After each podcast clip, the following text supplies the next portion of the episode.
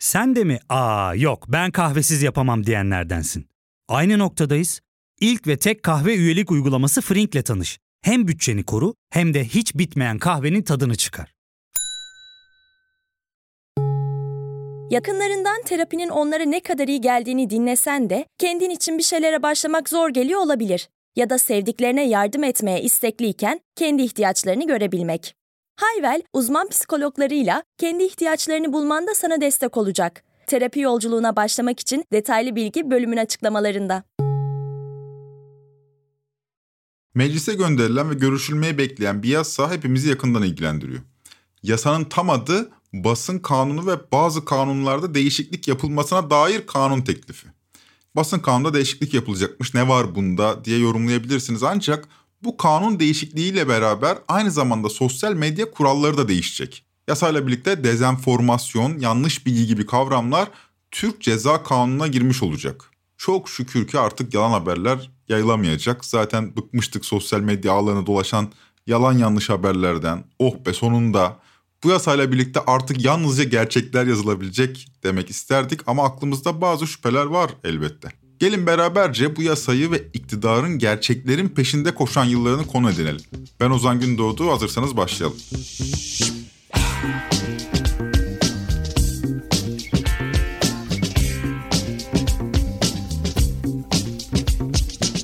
Türkiye Büyük Millet Meclisi'ne bu hafta içinde gelen yasa çokça tartışıldı. Sosyal medya düzenlemesi ya da dezenformasyon yasası olarak da anılıyordu. Ancak teklif basın kanunu gibi bir dizi kanunda çeşitli değişiklikler öngörüyordu. Bu değişikliklerle birlikte yalnızca dijital haber siteleri değil, sosyal medya ağları da ve dolayısıyla sosyal medya hesapları da denetime tabi olacak. Yani siz de eğer bir sosyal medya kullanıcısıysanız yasa sizi de bağlıyor. O halde gelin biraz daha yakından bakalım yasaya. Teklifin getirdiği en önemli yenilik dezenformasyon kavramını Türk Ceza Kanunu'nun içine yerleştirmiş olması. Peki nedir bu dezenformasyon? Türk Dil Kurumu'na göre Fransızca kökenli bu sözcüğün anlamı bilgi çarpıtma. Fakat bunun sınırı ne? Ne yazarsak bilgiyi çarpıtmış olacağız? Gelin biraz meslekten örnekler vereyim. Mesela geçmişte ekonomi editörlüğü yapmış biri olarak aklıma ilk gelen soru şu oldu. Bu dezenformasyon kavramını duyduğum zaman 1 milyar 379 milyon işte 445 bin 316 TL diyelim böyle bir rakam var. Bunu yazmak yerine 1.4 milyar TL yazarsam bu suç kapsamına girer mi? Bir yuvarlama işleminden bahsediyoruz ve sürekli yaptığımız bir yuvarlama işlemi. Bu benim aklıma gelen mesela politika editörü bir arkadaşım Ankara kulislerine ilişkin nasıl haber yazacağız diye soruyor.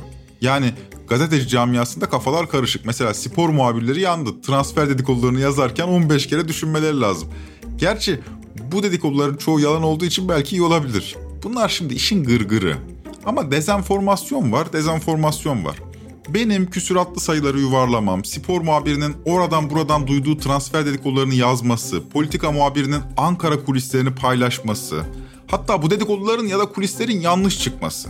Bunların hepsi bir dezenformasyon örneği olabilir fakat bunlar sizce suç mu? Yani ayıptan öteye geçen, ceza gerektiren bir gazetecilik suçu mu mesela?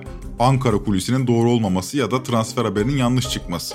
Öyle zannediyorum ki aynı duygudayız. Bunlar kötü gazetecilik örnekleri, kötü. Ama suç mu? Suç derken zorlanıyoruz. Çünkü dezenformasyon var, dezenformasyon var. Bazı yanlış çarpıtılmış ya da asılsız bilgiler basit bir amaca değil, bir nefret kampanyasına alet edilebiliyor. İşte orada kötü gazetecilikle suç arasındaki sınır inceliyor. Bazı örneklerde doğrudan suç kapsamına giren dezenformasyon örnekleri de görüyoruz. Dolayısıyla bu konuyu gündem edinen bir yasaya da ihtiyacımız var. Aslında sorun nerede başlıyor biliyor musunuz? Herkesin endişesi bir. İktidar bu yasa sayesinde işine gelen dezenformasyona dokunmayacak, işine gelmeyen haberlere de dezenformasyon diyebilecek istediğini cezalandıracak, istediğine yol verecek. Yani muhalefetin iddiası bu. Mesela CHP Genel Başkan Yardımcısı Oğuz Kansalcı da yasa teklifini şu bağlamda ele almış.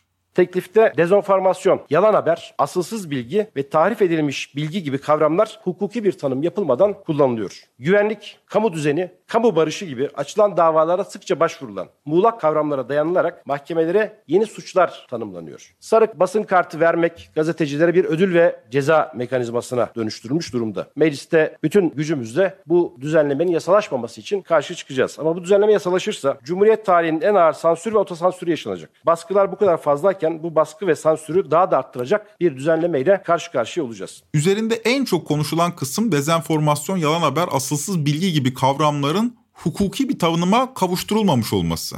Tıpkı 1990'da çıkarılan bu terörle mücadele kanunu gibi. O kanunda da terörün tanımı net bir şekilde yapılmadığı için iktidarlar bu tanımı dilediği gibi bükmüş. Mesela 2011 yılında eski Genelkurmay Başkanı bile terör örgütü yöneticiliğinden hapse girebilmişti. Dolayısıyla muhalefet zarfa değil mazrufa bakıyor. İktidar ise zarfı öne çıkarmak istiyor. Ya diyor biz gerçekleri koruyoruz. Siz niye hey heylendiniz diyor. AKP Grup Başkan Vekili Mahir Ünal 30 Mayıs'ta TRT'de bu yasayı milli güvenlik meselesi çerçevesinden ele alıyor ve siber vatanı koruyacağız diyor. Siber vatan. Buyurun dinleyelim. Nasıl ki benim bir deniz sahanlığım var, benim bir hava sahanlığım var, benim bir kara sahanlığım var. Benim bir de devlet olarak siber sahanlığım var. Dolayısıyla benim bir siber sahanlığım varsa, deniz sahanlığından kaynaklanan nasıl ki mavi vatan varsa, benim siber sahanlığımdan kaynaklanan bir de siber vatanım var. Diyorlar ki siber vatanın sınırlarını ne oluşturuyor? Siber vatanın sınırlarını benim güvenlik duvarlarım oluşturuyor. Hı. Benim iç hukukum oluşturuyor. İktidarın yasayı kullanırken yaslandığı referans milli güvenlik. Durum böyle olunca yasaya karşı çıkanlar siber vatan hainleri haline gelebiliyor. Ben diyor mavi vatanla uğraşıyorum, siber vatana saldırılıyor. Ben mavi vatanla ilgili bir adım atıyorum. Bir anda inanılmaz bir dezenformasyonla karşı karşıya kalıyorum. Libya ile ilgili bir adım atıyorum. Dezenformasyonla karşı karşıya kalıyorum. Ben Karabağ'da 30 yıldan beri çözülmeyen sorunda taraf oluyorum. Azerbaycanlı kardeşlerimin hakkını koruyorum. Bir de bakıyorum ki uluslararası medya hem dijital medya hem konvansiyonelde Türkiye karşıtı inanılmaz bir saldırı başlamış. E şimdi ben bununla ilgili yasal önlemler de, tabii ki Türkiye Büyük Millet Meclisi bu konuda harekete geçecek, bu konuda gerekli düzenlemeleri yapacak. İktidarın yasayı savunurken kurduğu hat dinlediğiniz gibi Mahir da bu ölçüde genellikle dış güçleri hedef alıyor.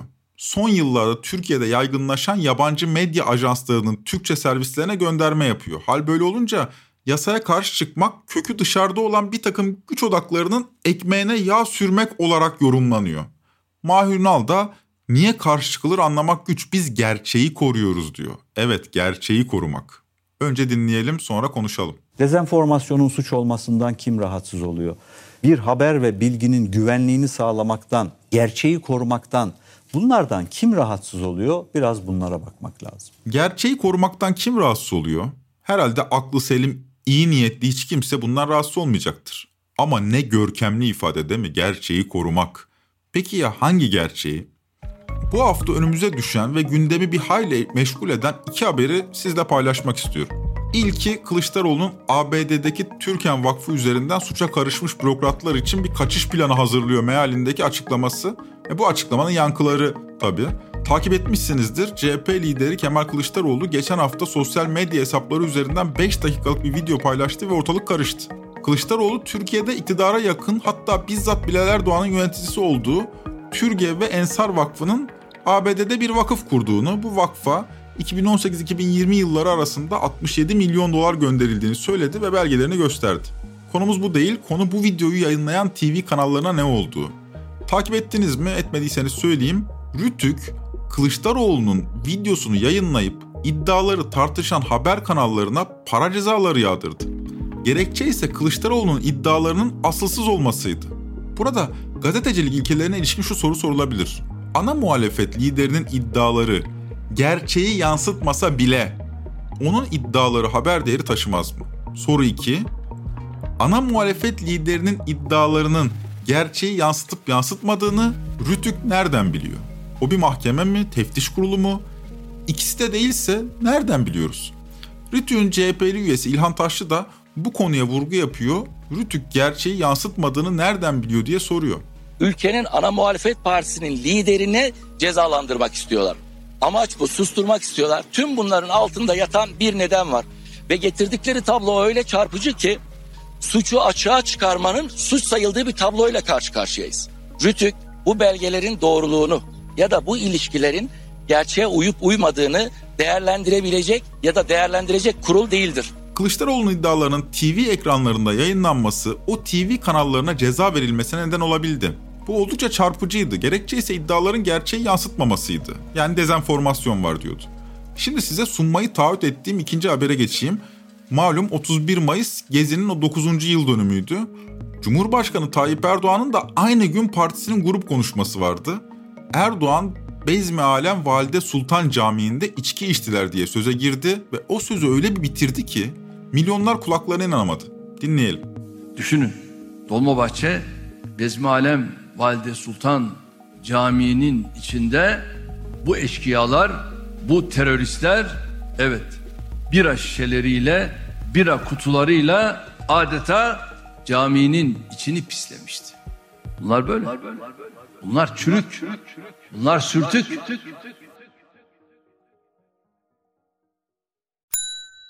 Ya fark ettin mi? Biz en çok kahveye para harcıyoruz. Yok abi, bundan sonra günde bir. Aa, sen Frink kullanmıyor musun? Nasıl yani? Yani kahvenden kısmına gerek yok. Frink'e üye olursan aylık sadece 1200 TL'ye istediğin çeşit kahveyi istediğin kadar içebilirsin. Günlük 40 TL'ye sınırsız kahve mi yani? Çok iyiymiş. Aynen. Hatta şu anda 200 TL'lik bir indirim kodu da var. E hadi hemen indirip üye ol da bu fırsatı kaçırma. Terapiye başlamak, içinden çıkamadığın döngüleri kırmak, bazı yanlış bulduğun kararlarını değiştirmek ve kendinle beraber daha huzurlu bir yaşam inşa etmek için atabileceğin en değerli adımlardan biri. Hayvel ile yoğun yaşam tempona uyum sağlayarak online terapi seanslarını takvimine göre ayarlayabilirsin. Bini aşkın uzmandan sana en uygun terapisti seçebilir, podb10 koduyla indirimden yararlanabilirsin. Detaylı bilgi açıklamalardaki bağlantıda. Kılıçdaroğlu'nun Türkan Vakfı'na ilişkin iddialarının gerçeği yansıtıp yansıtmadığını henüz bilmiyoruz ama Bezmi Alem Valide Sultan Camii'nde içki içildiğine ilişkin iddiaların asılsız çıktığını biliyoruz. Camide içki içtiler iddiası ilk kez 3 Haziran'da Fethullahçılara ait Cihan Haber Ajansı tarafından servis edilmişti. İddiaların dayanağı ertesi gün camide çekilen bir kırmızı tubok şişesiydi. Yani böyle bir alem yapılan bir görüntü yoktu. Bir kırmızı tubok şişesi üzerine kurulmuştu bu iddia.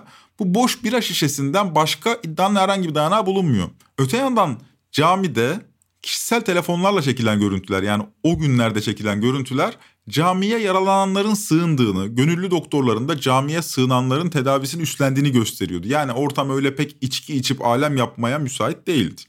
Ama ne oldu? Dönemin başbakanı daha sonra Cumhurbaşkanı Erdoğan her 31 Mayıs'ta bu iddia üzerinden camide içki içtiler diyerek milyonlara hedef gösterdi. O yüzden dezenformasyon var, dezenformasyon var diye yorumluyorum.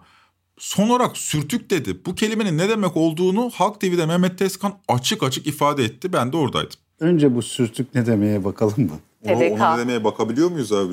Aman sıkıntı olmasın. Niye Rütük'ten. olsun ki Cumhurbaşkanı demiş ki sürtük. E tamam. ne demek sürtük? Ne demek? Ne demek? Ben biliyorum da ifade Hayır. edersen başımıza bir şey gelir. Yo niye gelsin ki burada giriyorsun sözlüğe bakıyorsun sürtük ne demek? İki anlam var diyor. Durmadan konu komşu sokak gezen evinde pek durmayan sürtüp duran parantez içinde kadın. İkinci anlamı hakaret anlamında da kullanılabilir. Bayağı kadın orospu demekmiş sürtük. Açıkçası ben Mehmet Tezkan'ın sürtüğün kelime anlamını açıklayacağını bilmiyordum. Fakat tam anlamı nedir diye ben de bu kelimeyi aramıştım. Mehmet abi sözlük anlamını okuyacak mıydı? Açıkçası ben de bunu dinlerken küçük de olsa endişelendim ve tahmin ettiğim üzere okudu. Fakat yayından sonra yeniden düşündüm. Cumhurbaşkanı camide içki içtiler hikayesi üzerinden orada olan kadınlara hitaben sürtük diyebiliyorsa, televizyon ekranlarında Cumhurbaşkanı ne demek istediğini tartışırken orospu demek neden ayıp olsundu ki? Gerçekleri korumak ne iddialı laf değil mi? Demek korunmaya ihtiyacı olan bir gerçek var. Peki kim büküyor o gerçeği? Bizzat Erdoğan'ın ağzından dezenformasyona dayanan bir haber ve birçok kadına yönelik hakaret işitmiştik. Sürtük diyordu. Başta sorduğumuz soruyu bir daha soralım. Hangi gerçekten bahsediyoruz? Kimin gerçeği? Bu örnekte bizzat devlet başkanının ağzından gerçeğin nasıl büküldüğünü ve bunun bir nefret kampanyasına nasıl alet edildiğini dinledik. Bu ifademi haklı ya da haksız bulanlarınız olabilir. Bana kalırsa Erdoğan açık açık bir yalan haberin üzerine bina edilmiş bir nefret kampanyası organize ediyor. Eğer katılmıyorsanız Erdoğan haklıdır diyorsanız yani lütfen bana yazın. Dezenformasyonu bir nefret kampanyasına dönüştürme işlevi olarak Cumhurbaşkanlığı koltuğunun nasıl kullanıldığını gördük burada. Bir de iktidar basını var tabii. Şahsen kullandığım bir yöntemi sizle paylaşayım. Kılıçdaroğlu iktidar basınında neredeyse hiç haber olmuyor. Bunu takdir edersiniz. Fakat bazı dönemlerde Kılıçdaroğlu ülke gündemine girecek bir iş yapıyor ve iktidar basını mecburen bunu görmek zorunda kalıyor. Böyle dönemlerde iktidar basınını bilinçli bir gözle takip etmenizi öneririm. Kılıçdaroğlu'nun bu çıkışları bir vatana ihanet çerçevesinden ele alınıyor. O çerçeve içinden gösteriliyor dinleyiciye, okuyucuya. Bunu etik olarak yanlış bulmuyorum bu arada. Böyle yorumluyorlar diyelim. Katılmıyorum. Ama hakları var, yapabilirler. Fakat dezenformasyon hem de bir nefret kampanyasına alet etmek için yanlış haber. İşte orada kötü gazetecilikle suç arasındaki çizgi iyice inceliyor. İşte buralarda iktidar basını gazetecilik özelliğini bazen tümüyle kaybediyor ve iktidarın nefret kampanyalarının aparatına dönüşüyor. Kılıçdaroğlu'nun 21 Mayıs mitingi iktidar basınında görülecekti de nasıl görülecekti? Benim aklımdaki soru buydu. Mitingi takip ederken sorduğum sorulardan biriydi. Gördüler. Peki nasıl gördüler biliyor musunuz? Kılıçdaroğlu'nun mitinginde her yer kandil, her yer direniş sloganları atıldı. Evet, bu başlıklarla servis edildi 21 Mayıs mitingi. Ve mitinge ilişkin neredeyse tek haberde buydu. Bir CHP mitinginde yüz binlerce insanın her yer kandil, her yer direniş diye slogan atabileceğine insanları inandırdılar. Hatta o kadar ki 23 Mayıs'ta Düzce'yi ziyaret eden Kılıçdaroğlu AKP'li bir grup tarafından protesto edildi. Burası Kandil değil, Kandil değil burası Düzce. Yanlış gelmiş. Kılıçdaroğlu'nun mitinginde yüz binlerce insan her yer kandil, her yer direniş diye bağırmış olabilir mi sahiden? Hem de sahneden haykırılan yönlendirme sloganı her yer Taksim, her yer direnişken. Yüz binlerce insan aynı anda organize olup bu Taksim yerine Kandil demiş olabilir mi? Çok değil biraz düşününce, biraz düşününce hakikate yaklaşabiliyoruz. Fakat nefret kampanyaları gerçeği bükmek için yaratılan duygu durumuna çok uygun. Bunca nefretin arasında durup sahi böyle bir şey olmuş olabilir mi diye sorulamıyor. Bu olayların en meşhurlarından birini ele alalım mı? O nefret kampanyalarını organize etmek için yaratılan dezenformasyon. Neydi o? Hadi dinleyelim. 25 yaşında gencecik hanım sırf başörtüsü taktığı için sokakta yüzlerce kişiden oluşan bir vandal grubun ortasında kaldı. Sarı manşetli Evet bu. bakın 6 aylık bebeğiyle sırf başörtüsü taktığı için bir kadın inanılmaz hakaretlere uğradı. Onu bırakın bayılmış üzerine çok affedersiniz. Yani burada Artık söylemek evet. istemiyorum. Çok kötü şeyler Kabataş. yapıldı. İdrar Dinlediğiniz topluluğu Nagihan Alçı. Haziran 2013'te kotarılan bir nefret kampanyasını anlatıyor. Kabataş'ta bir başörtülü kadın bebeğiyle giderken gündüz vakti 50-60 tane üzeri çıplak deri eldivenli insan tarafından darp ediliyor. Hatta darp edilmekle kalmıyor üzerlerine işeniyor. Yetmiyor bebeği de darp ediyorlar. Bu yalnızca Nagihan Alçı tarafından değil onlarca gazeteci tarafından dile getirildi. Bir kısmı şu anda iktidarla mesafeli ilişki kuruyor ancak bu kişilerden bir kısmından olayın perde arkasını dinleme fırsatım oldu. Bu kişiler kendi savunmalarını yapmamışken benim onlar adına açıklama yapmam doğru olmadığı için isimleri bende kalsın. Ama benim anladığım tablo şu. Hala hazırda iktidarla temas halinde olan, o yıllarda temas halinde olan ya da muhalif görünmeyen diyelim bir takım gazeteciler emniyet kaynakları tarafından yönlendirilmişti bu olayda. Kabataş iddiası ortaya atıldıktan sonra emniyeti arayıp bu doğru mu diye soran gazetecilere emniyet evet doğru demişti. Asla böyle bir şey olamayacağını, iktidarın tertemiz, emniyetin de itibarlı bir kamu kurumu olduğunu düşünen bu gazeteciler emniyete güvenmiş ve ikinci bir kaynaktan böyle bir bilgiyi çek etmek istememişlerdi. Ve Kabataş yalanına da ortak olmuşlardı. Sadece emniyete mi güvenmişlerdi? Başbakana da güvenmişlerdi. Kabataş'ta bir kızımız yanında bebeğiyle çok çirkin bir saldırıya maruz kalıyor. Polise gidiyor. Şikayette bulunuyor. Bu tablonun kapsamı genişletilebilir, daraltılabilir fakat yere bir yere getirelim sözü. Meclise gelen sosyal medya düzenlemesine kuşkulu bakanların altı dolu gerekçeleri var. Hele ki seçimlerden hemen önce bu düzenlemenin meclise gelmesi tedirginliği arttırıyor. Sosyal medya hukuk alanında uzmanlığı olan Profesör Yaman Akdeniz 27 Mayıs'ta attığı tweette yasa teklifine ilişkin şunları yazıyor. Hükümet 2023 seçimlerine hazırlanıyor. Tüm bu teklifleri başka türlü yorumlamak mümkün değil. İfade ve basın özgürlüğü alanı daha da daralacak. Halbuki Mahir Ünal gerçekleri korumaktan bahsediyordu. Sizce iktidar samimi mi? Yoksa muhalefet tedirgin olmakta haklı mı? Diyelim ve sona gelelim. Trend Topi'yi Podbi Medya ile beraber hazırlıyoruz. Bir sonraki bölüme kadar hakikate sadakatiniz sürsün. Hoşçakalın.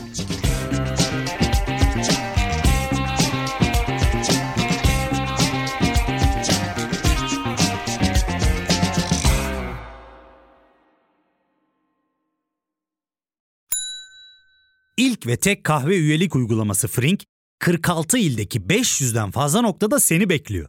Açıklamadaki kodu girerek sana özel 200 TL'lik indirimden faydalanmayı unutma. Hadi sen de Frink üyeliğini başlat, kahven hiç bitmesin. Hem bugününe hem yarınına katacaklarıyla terapi yolculuğuna ve daha iyi hissetmeye bugün Hayvel ile başla. Açıklamadaki linkten Hayvel'i indir, ücretsiz tanışma görüşmelerinin ardından bütçene uygun seans paketini seç ve terapi yolculuğuna başla.